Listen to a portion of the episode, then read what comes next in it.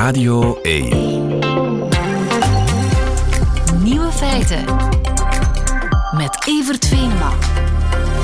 Welkom bij de podcast van Nieuwe Feiten, geïnspireerd op de aflevering van 24 maart 2022. Het nieuws van de dag was dat Vesco, de homoseksuele hond, een warme thuis gevonden heeft. Vesco is een vierjarige hond uit Amerika. Deze week lieten zijn baasjes hem achter in een asiel. De hond zou volgens hen namelijk homoseksueel zijn, want Vesco maakte nogal seksuele avances op de andere mannelijke hond des huizes. Complete onzin natuurlijk, zeggen ook hondenexperts. Vesco's paringsdrang komt namelijk van een overschot aan testosteron. Maar de discriminatie van Vesco kende gelukkig een spoedig en gelukkig einde. Een homokoppel uit de buurt hoorde het belachelijke excuus van Vesco's vorige baasjes en besloot hem te adopteren. Eind goed, al goed. De andere nieuwe feiten worden u gebracht door Jens Fransen, die uitlegt waarom de agenda van de westerse leiders verzameld in Brussel opgedeeld moest worden in drie vergaderingen met ongeveer dezelfde deelnemers in plaats van één lange top. Door Rika Ponet, die u leert hoe niet te schelden tijdens echtelijke ruzies. En door Bram Rammelo, buiten in het arboretum van Kalmthout, over de ontdekking van een nieuw soort bladeren aan de eeuwenoude Segoia-boom en waarvoor die dienen. Veel plezier. Feiten. Brussel is even het centrum van de wereld vandaag. 37 staatshoofden en regeringsleiders ontmoeten elkaar in drie vergaderingen van de NAVO, van de G7 en van de EU, aangevuld met Joe Biden. Een dag voor de geschiedenisboeken hoorden we vanmorgen in de ochtend. Jens Fransen probeert het allemaal te volgen. Jens, goedemiddag. Hey, goedemiddag. We hoorden je dan net ook eh, in het nieuws. Hoe ver staan we ondertussen? De NAVO-top is bijna klaar. We zijn op weg naar de ja, lunch. halfweg, halfweg. Er wordt geluncht intussen tijd. Die is begonnen om tien uur. Um, ergens rond kwart over één, reken half twee, want er zit altijd een beetje vertraging op gaan we de eerste persconferenties zien. Traditioneel is dat de NAVO-secretaris Jens Stoltenberg die de spits afbijt. Maar heel snel beginnen al die ja, staatshoofden en regeringsleiders voor hun eigen lokale media interviews te geven. Het zal natuurlijk uitkijken zijn naar wat de Amerikaanse president Joe Biden gaat zeggen. Het zal snel moeten gaan, want om twee uur nieuwe vergadering. De G7 al onmiddellijk in hetzelfde gebouw. Dat is een voordeel. Ik heb de indruk dat steeds dezelfde leiders elkaar in telkens een andere vergadering ontmoeten. Vandaag was één lange vergadering niet veel handiger geweest. Ja, maar dat heeft alles te maken met wiskunde, Evert. wiskunde? Ja, natuurlijk. Heel eenvoudige wiskunde. Herinner je die, die Venn-diagrammen natuurlijk. Hè? En het probleem is, als je samen zit in dit soort internationale fora, je zou kunnen zeggen, oké, jongens, laten we samen zitten met, uh, met, met, die NAVO-leden, voilà, en dan zijn we er wel. Hè? Maar natuurlijk, dan zit bijvoorbeeld een Europees land als Finland, dat een heel lange grens heeft met uh, Rusland, dat is geen NAVO-lid. Oké, dan zou je kunnen zeggen, dan zitten we gewoon samen met al die leden van Europa, en zijn we er ook vanaf.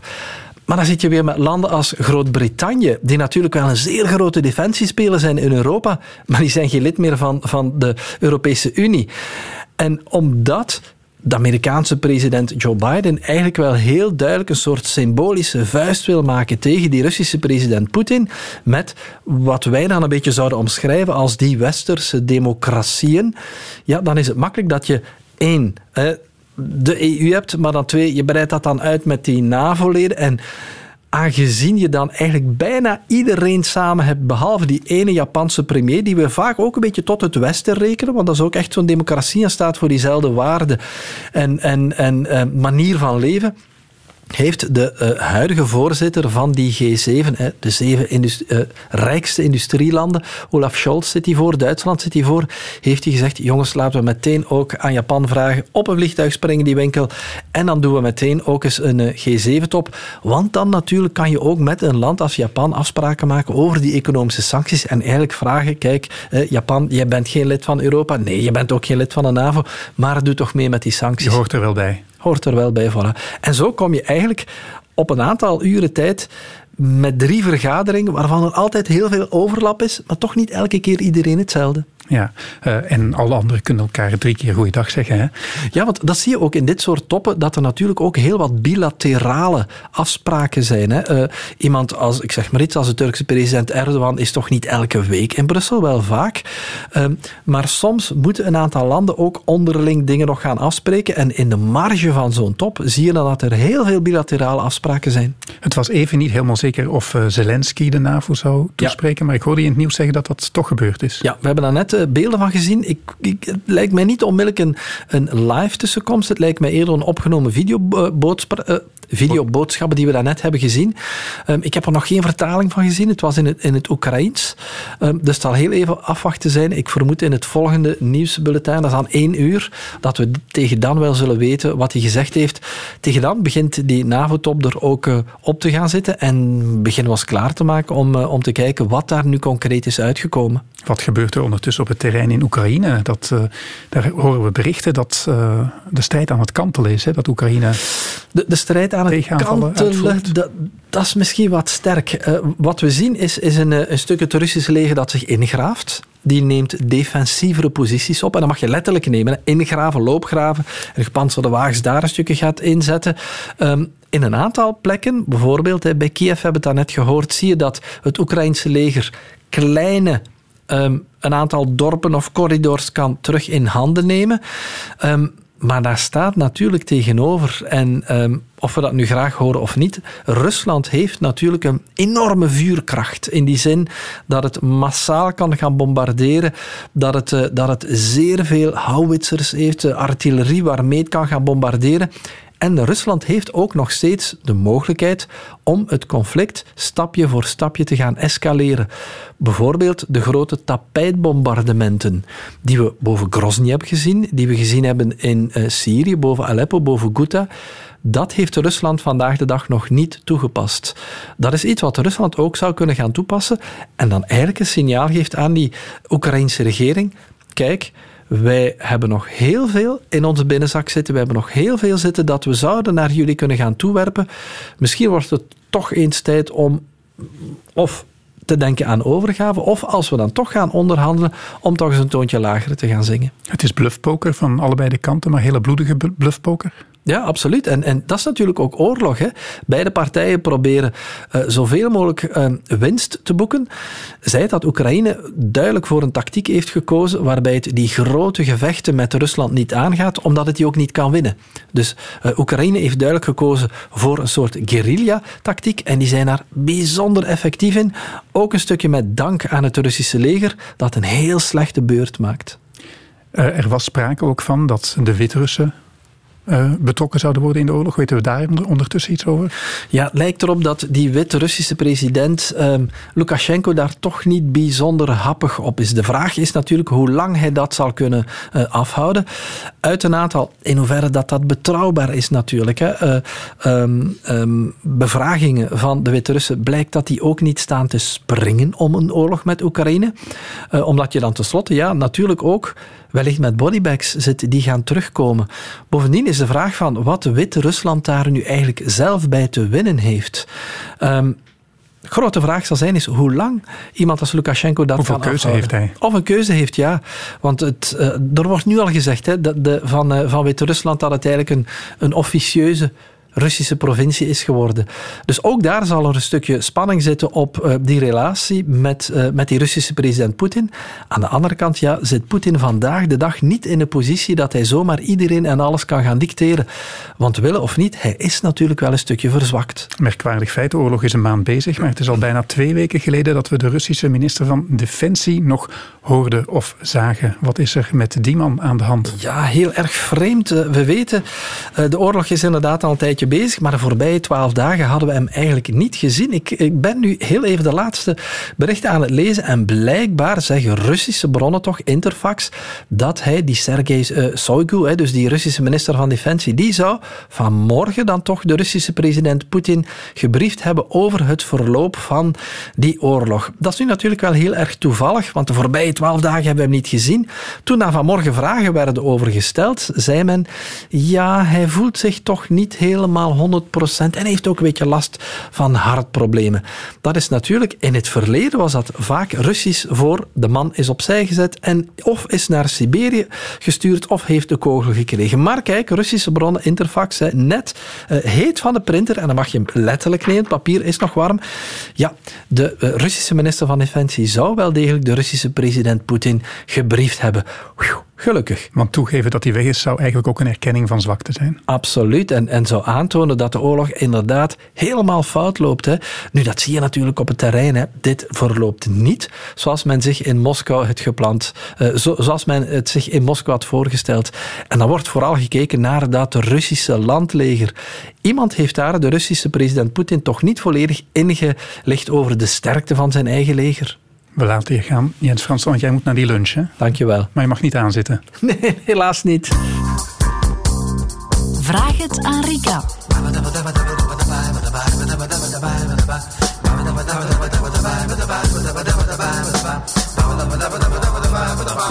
Lieven van den Hout is twee weken op reis om zijn relatie te laten openbloeien. Maar dat betekent niet dat hij zijn luisteraars hun eigen relationele boontjes laat doppen. Rika Ponet is zoals anders op post. Goedemiddag Rika. Goedemiddag.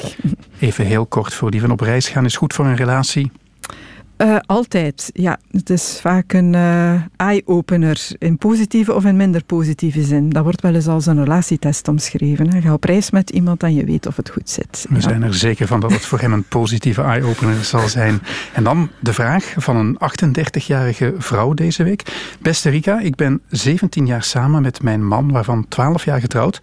Mijn man en ik hebben op zich een goede relatie, maar de laatste jaren worden onze ruzies steeds pijnlijker en geraak ik er steeds moeilijker overheen. Dit heeft te maken met het feit dat mijn man tijdens deze ruzies een sarcastische toon aanslaat, mij dom en vervelend noemt, zegt dat ik een vervelend karakter heb of mij zelfs uitscheldt. Hij zegt trut. Ik geef toe dat ik niet de makkelijkste vrouw ben, zegt de vraagstelster. Ik kan erg kritisch zijn en in een ruzie word ik soms emotioneel en verhef ik mijn stem, maar hem uitschelden doe ik niet. Dit maakt mij allemaal heel erg in de war. En hij lijkt niet te begrijpen waarom deze woorden mij zo kwetsen. Rika. Mm ja, ik denk dat dit een, uh, iets vrij herkenbaar is als relatiedynamiek, zullen we maar zeggen. Uh, soms schrijft het ook juist um, in de zin van Um, de ene geeft kritiek, de andere uh, vernedert eigenlijk al, want dat is het toch wel een beetje. Ruzies met een sarcastische toon, de andere uitschelden voor trut, uh, dom, uh, vervelend, vreselijk karakter. Um, eigenlijk val je al de persoon aan, hè, niet het gedrag, de identiteit van de andere haal je naar beneden.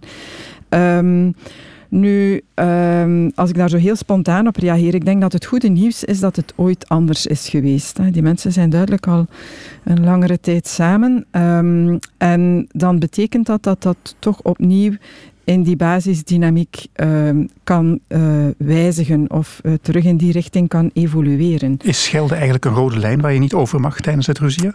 Uh, ik denk dat wel, ja. Ik, uh, want dat wou ik uh, ook juist aangeven. Het slechte nieuws is dat als er in ruzies of in escalerende ruzies sprake is van vernedering en schelden, misprijzen, en als dat niet eenmalig is, maar regelmatig terugkomt, dan weten we eigenlijk dat de relatie een beetje in een diepe, diepere crisis zit. En um, uit onderzoek blijkt dat dat een heel krachtige voorspeller is voor echtscheiding. Dus dit is zeker een alarmsignaal. Hè, van zodra je regelmatig je partner uitscheldt, moet je daar echt wel vragen bij stellen. Um, nu, um, het gaat ook over de proportionaliteit tijdens een ruzie, lees ik eigenlijk. Hè? De ja. verwijten en beledigingen moeten in evenwicht blijven. Uh, ja, en zoals je daar juist ook zei, is gelden over de, over de grens um, effectief. En ik denk, uh, dat is, mensen maken ruzie, dat maakt deel uit van wat relaties zijn. Uh, er zijn verschilervaringen. Uh, sommige mensen kunnen dat aan de hand van een discussie bespreken. Anderen hebben daar, omdat ze emotioneler zijn, hoogoplopender discussies over met meer uh, emotie. Maar ook zelfs in zo'n emotioneel moment zijn er grenzen waar je niet overheen gaat. Hè. Dat heeft te maken met een vorm van basisrespect voor wie de andere is. En dat gaat ook over wat er aan liefde is tussen jullie. En zo omschrijft dat eigenlijk ook goed, denk ik. Um, telkens als dat gebeurd is, um, heb ik een, um, ja, het gevoel dat dat ook wat mijn relatie doet afbrokkelen. Hè. Of ik voel me daar nadien heel slecht uh, door. En hij begrijpt dat niet. Blijkbaar kan ze het ook niet onder woorden brengen op een manier dat hij het kan begrijpen. Maar wat er op zo'n moment gebeurt is, um, wij weten dat ook uit hersenonderzoek bijvoorbeeld, dat vernederingen of uh, dit soort van escalatie, uh, dat dat bij mensen een, dat dat een heel pijnlijke ervaring is. En dat dat er effectief voor zorgt dat je absoluut niet liefdescompetent niet liefdeswaardig voelt. En uh, ja, dat is nu wel het allerlaatste wat je wil ervaren van je partner. Hè, dat hij jou het gevoel geeft, uh, jij, jij bent niet liefdeswaardig, jij bent niet liefdescompetent, ik zie jou niet graag. Dat is eigenlijk de diepere behoefte die daar geraakt wordt. En, um, het is natuurlijk moeilijk om het even van zijn kant te bekijken, om je te beheersen als je je zelfbeheersing verliest. Ja, wat wij dan altijd aanraden in therapie is, um, als je bij jezelf ervaart, en dat zijn dan misschien nieuwe afspraken die zo'n koppel kan maken, um, van zodra je in die fase zit van misprijzen, schelden, um, als je bij jezelf voelt van ik ga erover, over de rode, dan is het altijd goed om jezelf even terug te trekken. Hè. Je kan met elkaar een signaal afspreken van nu gaat het te ver, hè, want zij is duidelijk ook een kritische aanvallende vrouw. Ook daar ligt een deel van het probleem. Ik denk dat, zij, uh, dat het goed is om uh, kritiek op een andere manier te gaan uiten, niet aanvallend, maar vanuit ik-boodschappen. Wat wil je? In plaats van kritiek te uiten op het gedrag van de ander of wat de andere niet doet of te veel doet. Um, en aan de andere kant, als je heel sterk in de verdediging gaat, de andere uh, wegduwt omwille van het feit dat dat te pijnlijk is, die kritiek, um, is het goed als je merkt, ik ga richting schelden of richting de andere naar beneden halen, vernederen, om je daar even uit terug te trekken, een ommetje te doen, een blokje om te gaan wandelen of lopen, en dan nadien wel terug te komen en alsnog de discussie aan te vatten. Een hond kopen om mee te gaan wandelen of zo? Misschien. Zoiets, ja. ja. Je op wat anders concentreren. Maar um, ja, dat zijn eigenlijk is het belangrijk om op het moment dat het rustig is tussen jullie beiden, en dat zou ik zeker in dit geval aanraden, om nieuwe regels af te spreken. Als we ruzie maken of dingen irriteren ons bij elkaar, Um, van uh, hoe maken we ruzie, van daar concrete afspraken rond te maken. En dan zal het effectief in de richting gaan van um, als het bij jou te heftig wordt, trek jou even terug. Als ik van mijn kant de neiging heb om te kritisch of te aanvallend of te stemverheffend te zijn, um, ja, hoe kan ik, eh, beiden moeten hun aandeel daarin opnemen. Dat is altijd de essentie. Hoe kan ik, daar, uh, hoe kan ik op een andere manier aangeven wat mij niet zint in onze relatie? De ruzies worden wel altijd weer bijgelegd, maar misschien kan er ook op een gegeven moment de ruzie te veel zijn en de sorry te veel. Ja, en is wat je hebt met die fase van vernedering. Eh, je ziet dat dat dan escaleert. Um, als dat heel vaak gebeurt, dan is er op den duur ook geen basis meer van liefde hè, om, uh, om nog naar de sorry te gaan. Um, en dat hebben ze op dit moment wel nog. En dat heeft natuurlijk ook te maken met het feit dat het al een lange relatie is of een langlopende relatie is. Um, dan ga je altijd opnieuw weer een stukje naar de bron van alles wat al goed geweest is. Dat is ook wat ze een stukje doet, denk ik. We hebben veel opgebouwd. Uh, vaak hebben mensen ook kinderen. Je ziet het totale verhaal. Um, maar langzaam maar zeker, ruzie na ruzie, brokkelt die basis ook af. En um, op een bepaald moment is dat fundament ook weg. En uh, zie je dat, dat dat dan effectief effectief uh, het moment is waarop mensen beslissen om weg te gaan of uh, het effectief uitmondt in een breuk. Ja, want ze vraagt zich af of ze even alleen moet gaan wonen, maar dat hoor ik in jouw uitleg toch beter niet doen, gewoon afspraken maken. Ja, nee, uh, we zien altijd als um, ruzies als er een teveel aan contact is, want dat is het eigenlijk, of een, een, te, in, een te grote intensiteit aan contact is, dat dat, um, dat, dat het eigenlijk ook niet, niet oplost. Het gaat erover hoe kunnen we hier op een... Ja, uiteindelijk wat je dan doet, is het uit de weg van uh, wat er aan verschil is. Um, het is altijd opnieuw weer belangrijk hoe kunnen we wat er tussen ons leeft en wat we als niet positief ervaren. En nogmaals, dat heb je in elke relatie, die verschilervaringen. Uh, hoe kunnen we daar op een andere manier mee omgaan, zodanig dat het niet dat fundament aantast. Ja. Altijd als ik jou hoor, heb ik het gevoel, het is al opgelost. Er is nog wat werk aan de winkel. Ja. ja dat, uh, ja. Dus ik geef de aanzet, de goal moeten zij maken. Hè. Dat is het, het komt wel goed. Ja, altijd. Hartelijk bedankt. Graag gedaan.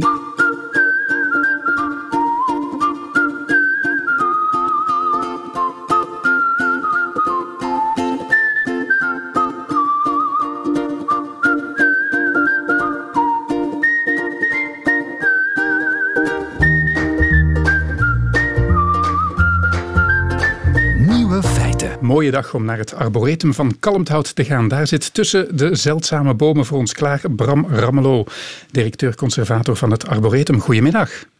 Goedemiddag, Evert. We moeten het hebben, meneer Ramelo, over de Segoia sempervirens, de kustmammoetboom. Hebt u er eens staan in Kalmthout? Wij hebben er eh, verschillende staan.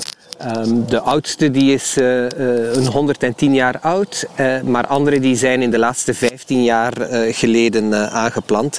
Dus in totaal hebben er zo'n tiental staan in het domein. Dat is een jonkie, hè? 110 jaar. Absoluut. ze kunnen wel enkele duizenden jaren oud worden als ze gerustgelaten worden. Ze worden heel oud, ze worden heel hoog, dat weten we al lang. We bestuderen ze al honderden jaren en we denken dat we er alles van weten. Maar nee, pas nu ontdekt de wetenschap iets redelijk essentieels over die Segoia sempervirens. U mag het Vlaanderen vertellen. Het heeft met de bladeren te maken. Absoluut. Ehm, eh, het is eigenlijk eh, verrassend en ook weer niet dat we toch nog dingen te weten komen over bomen die heel veel bestudeerd worden. Uh, maar die uh, kustmammoetboom die maakt twee verschillende bladeren. Laat ons zeggen, bladeren die twee belangrijke en verschillende functies uitoefenen voor zo'n boom. Hij heeft enerzijds blaadjes die helpen met de productie van voedsel, fotosynthese. En andere blaadjes die helpen om water op te vangen um, en op te nemen. Een functie die bij de meeste bomen enkel door de wortels wordt gedaan. En zien die twee soorten bladeren er exact hetzelfde uit dat we dat pas nu ontdekken? Uh, nee, die zien er uh, allebei uh, een beetje anders uit. degene die echt tegen de, de, de, de, de stam aanzitten, zijn degene die veel makkelijker vocht opnemen. En degene die plat en breed uitstaan, zijn degene die eigenlijk als een beetje zonnepaneeltjes die zonne-energie omzetten naar suikers voor, voor voedsel. dat is uiteraard iets wat we wel al wisten, dat er wat verschillen in zitten. In de blaadjes, al naar gelang op de boom dat ze zich eh, kunnen eh, voordoen. We wisten ook al wel langer dat die eh, kustsequoias water konden opnemen met hun bladeren. zij groeien eigenlijk in een hele smalle strook, smalle lange strook langs de Californische kust, vlak aan de Stille Oceaan. En wij wisten om zo hoog, want ze groeien tot een van de hoogste bomen in de wereld, meer dan 110 meter hoog. Om zo hoog te kunnen groeien, volstaat het niet om water alleen via de wortels op te nemen, maar hebben ze ergens halverwege ook nog een extra aanvoer van vocht nodig. Dus wij wisten dat bladeren vocht konden opnemen, uh, maar niet dat daar eigenlijk twee heel specifieke bladeren voor gecreëerd worden. En dat is iets wat nu de onderzoekers van de Universiteit in Californië hebben ontdekt. En hebt u alles naar boven gekeken en gedacht, hé, hey, nu zie ik ze? Um, uh, ja, dat uh, heb ik uh, gedaan op het ogenblik dat we bij de storm Eunice een top hadden die uit een van de sequoia's is gebroken. En dan zie je dat daar aan die top toch een andere structuur of een andere vorm van die blaadjes zit. Um, en dat zien we wel vaker bij bomen, dat die een andere blad kunnen hebben wanneer ze jong zijn dan wanneer ze volwassen zijn. En heel vaak hebben we gedacht dat zijn eigenlijk gewoon een jonge vorm van bladeren en uh, de oudere bladeren, de volwassen bladeren, uh, die uh, zijn plat en breed. Een beetje zoals kinderen melktanden hebben en pas later naar volwassen tanden gaan. maar nu hebben we dus eigenlijk echt ontdekt dat het een andere functie heeft dat die bladeren hebben. En die opgerolde waterabsorberende bladeren, die zitten altijd van boven? Wel, die zijn niet echt opgerold. Hè. Die, uh, die zijn, die zijn uh, vlak, zitten die wat meer tegen de stam aan. En dat wisselt een beetje. Uh, we zien bijvoorbeeld bij de bomen die in het noordelijke deel van het verspreidingsgebied voorkomen, dat die waterabsorberende bladeren een pak lager op de boom zitten. En helemaal in de top dat ze daar meer zonnepaneeltjes hebben zitten, omdat daar, dat ze daar veel beter en efficiënter zijn in het opvangen van het zonlicht. Wanneer we dan veel meer naar het zuiden van het verspreidingsgebied gebied gaan en het eh, veel warmer is, daar merken we dat eh, net in de top van de boom veel meer waterabsorberende blaadjes zitten, omdat het daar veel en droger is. En dat ze echt moeten profiteren van die dagelijkse mist eh, en eh, eh, wolken, vochthoudende wolken die over de oceaan eh, het land binnenkomen. En dan zie je dat ze daar echt heel veel in het eerste uur dat die wolken tegen die bomen aan botsen, kan zo'n boom tot wel 52, 53 liter water opnemen via de blaadjes in één uur tijd. En dat is toch best wel veel. Ja, niet zo leuk voor de andere vegetatie in de buurt van zo'n boom, denk ik dan.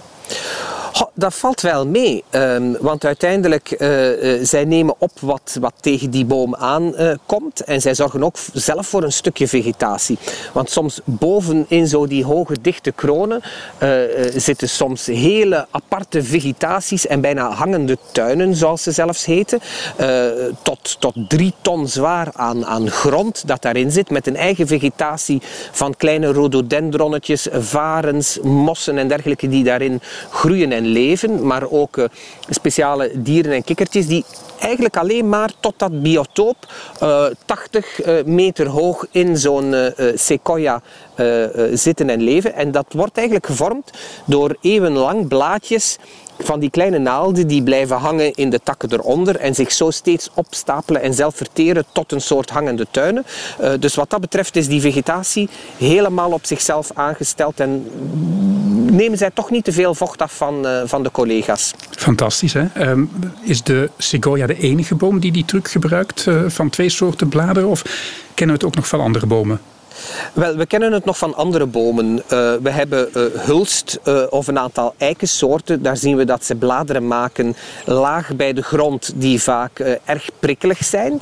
En na, na 2, 3 meter hoogte, dat ze eigenlijk bladeren maken die veel minder uh, stekels gaan hebben. Um, omdat daar minder gegrazen wordt en dat ze zichzelf en hun stam niet moeten beschermen. En dat ze dan volop inzetten in voedselproductie en minder in bescherming. Dus wat dat betreft is het iets dat we wel vaker zien. Um, maar water opnemen is iets wat we uh, niet zo vaak tegenkomen. Zou een sequoia zonder wortels kunnen? Um, uh, nee, um, uh, uiteraard. Wortels die hebben meerdere functies dan alleen maar water opnemen. Zij zorgen ook voor heel wat andere voedselstoffen, zoals mineralen, uh, die zij opnemen, die niet altijd uit de lucht of uit het water op te nemen zijn. Plus zorgen die echt voor stabiliteit. Ehm, zo'n boom van 100 meter hoog, die moet ook echt wel heel stevig staan om ook die winden en die stormen die over de kust komen te weerstaan. Bent u als bomenman van het arboretum van Kalmthout al ooit op trip geweest om die, ja, die, die majestueuze bomen te zien? Want die bij u in het arboretum, dat is maar een jonkie, zo, zoals we zeiden.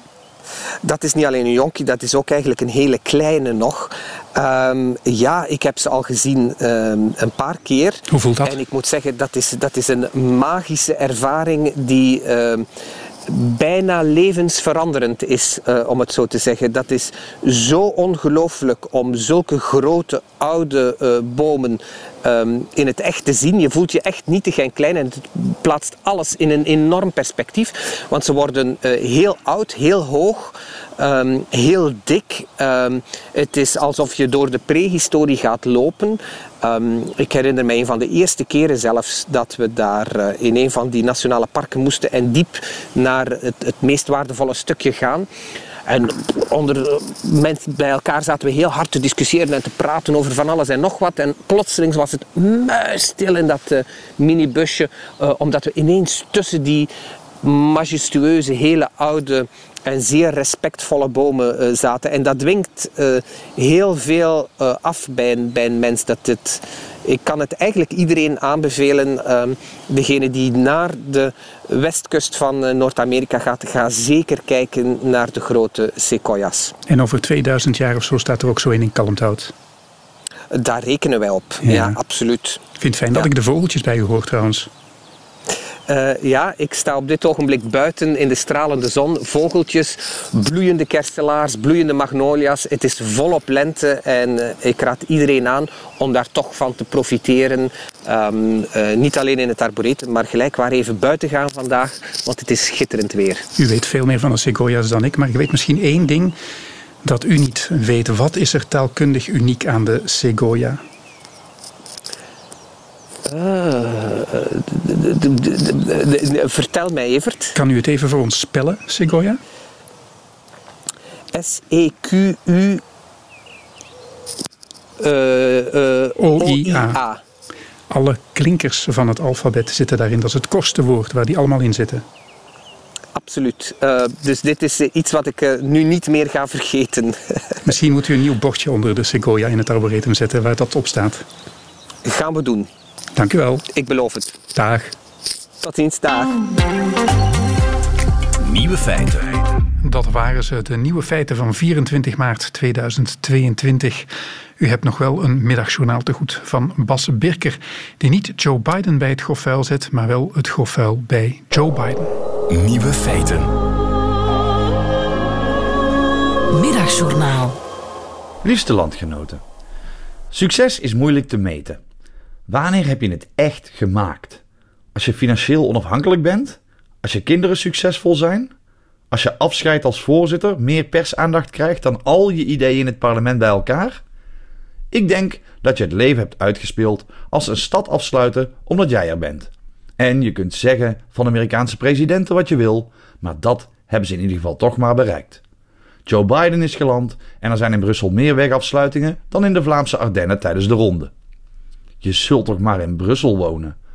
Eerst noemt Donald Trump je stad een hellhole en dan laat zijn opvolger de gates of hell nog sluiten ook. Als je bestemming de hoofdstad is vandaag, zit je vaster dan Poetin in een bunker. Ik las een overzicht van de maatregelen op verteneus.be. Rond de Amerikaanse ambassade, de NAVO en de Europese wijk is alle verkeer verboden. Terrasmeubilair moet binnen, want niet zo gevaarlijk als al die zelf ontbrandende stoelen natuurlijk. Voorts moeten ramen en deuren dicht, waarschijnlijk omdat het anders tocht op straat en Biden misschien een verkoudheid oploopt. Arme Joe. En mocht u discreet een nieuw seksspeeltje willen ontvangen, dan bent u eraan voor de moeite, want online bestellingen mogen niet worden geleverd. Nog een dagje handwerk dus. Maar niets dat Brussel zo hard raakt als de laatste maatregel. In de aangewezen zones mag niemand, maar dan ook echt niemand, vuilnisstakken op straat zetten. Nu, ik ben geen totale debiel, hè. Ik snap prima dat een vuilzak op straat een hele goede manier kan zijn om een bom te laten ontploffen. Maar wat als je nu wel je vuilnis buiten zet? Wat kunnen ze doen dan? Het ophalen? Dat zal ons leren om het huisvuil op straat te zetten als het niet mag. In het Antwerpse mag er maximaal 7,5 kilo huisvuil in een zak van 60 liter. Ik neem aan dat het in Brussel niet anders is. En ik wil niemand op ideeën brengen, maar moest ik in een verboden zone wonen, dan zou ik vandaag aangrijpen om 10 vuilzakken te vullen met chemisch afval, elektrische toestellen en het asbestdak van het schuurtje. Knappe flik die mij een boete geeft terwijl hij het in de vuilkar gooit. Daar is geen tijd voor vandaag. Alles voor de veiligheid. Als Joe dit weekend thuiskomt, zal Jill vragen hoe het was in Brussel. Geweldig, zal hij zeggen. Ze hebben zelfs het vuilnis opgehaald. Speciaal voor mij. Oh Joe, zal Jill antwoorden. Ik ben zo trots op je. Nu heb je het echt gemaakt.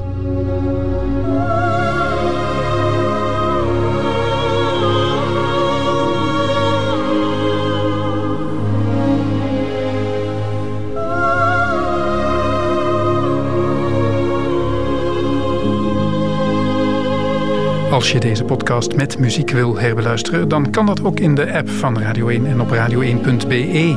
Daar vind je trouwens ook al onze andere podcasts.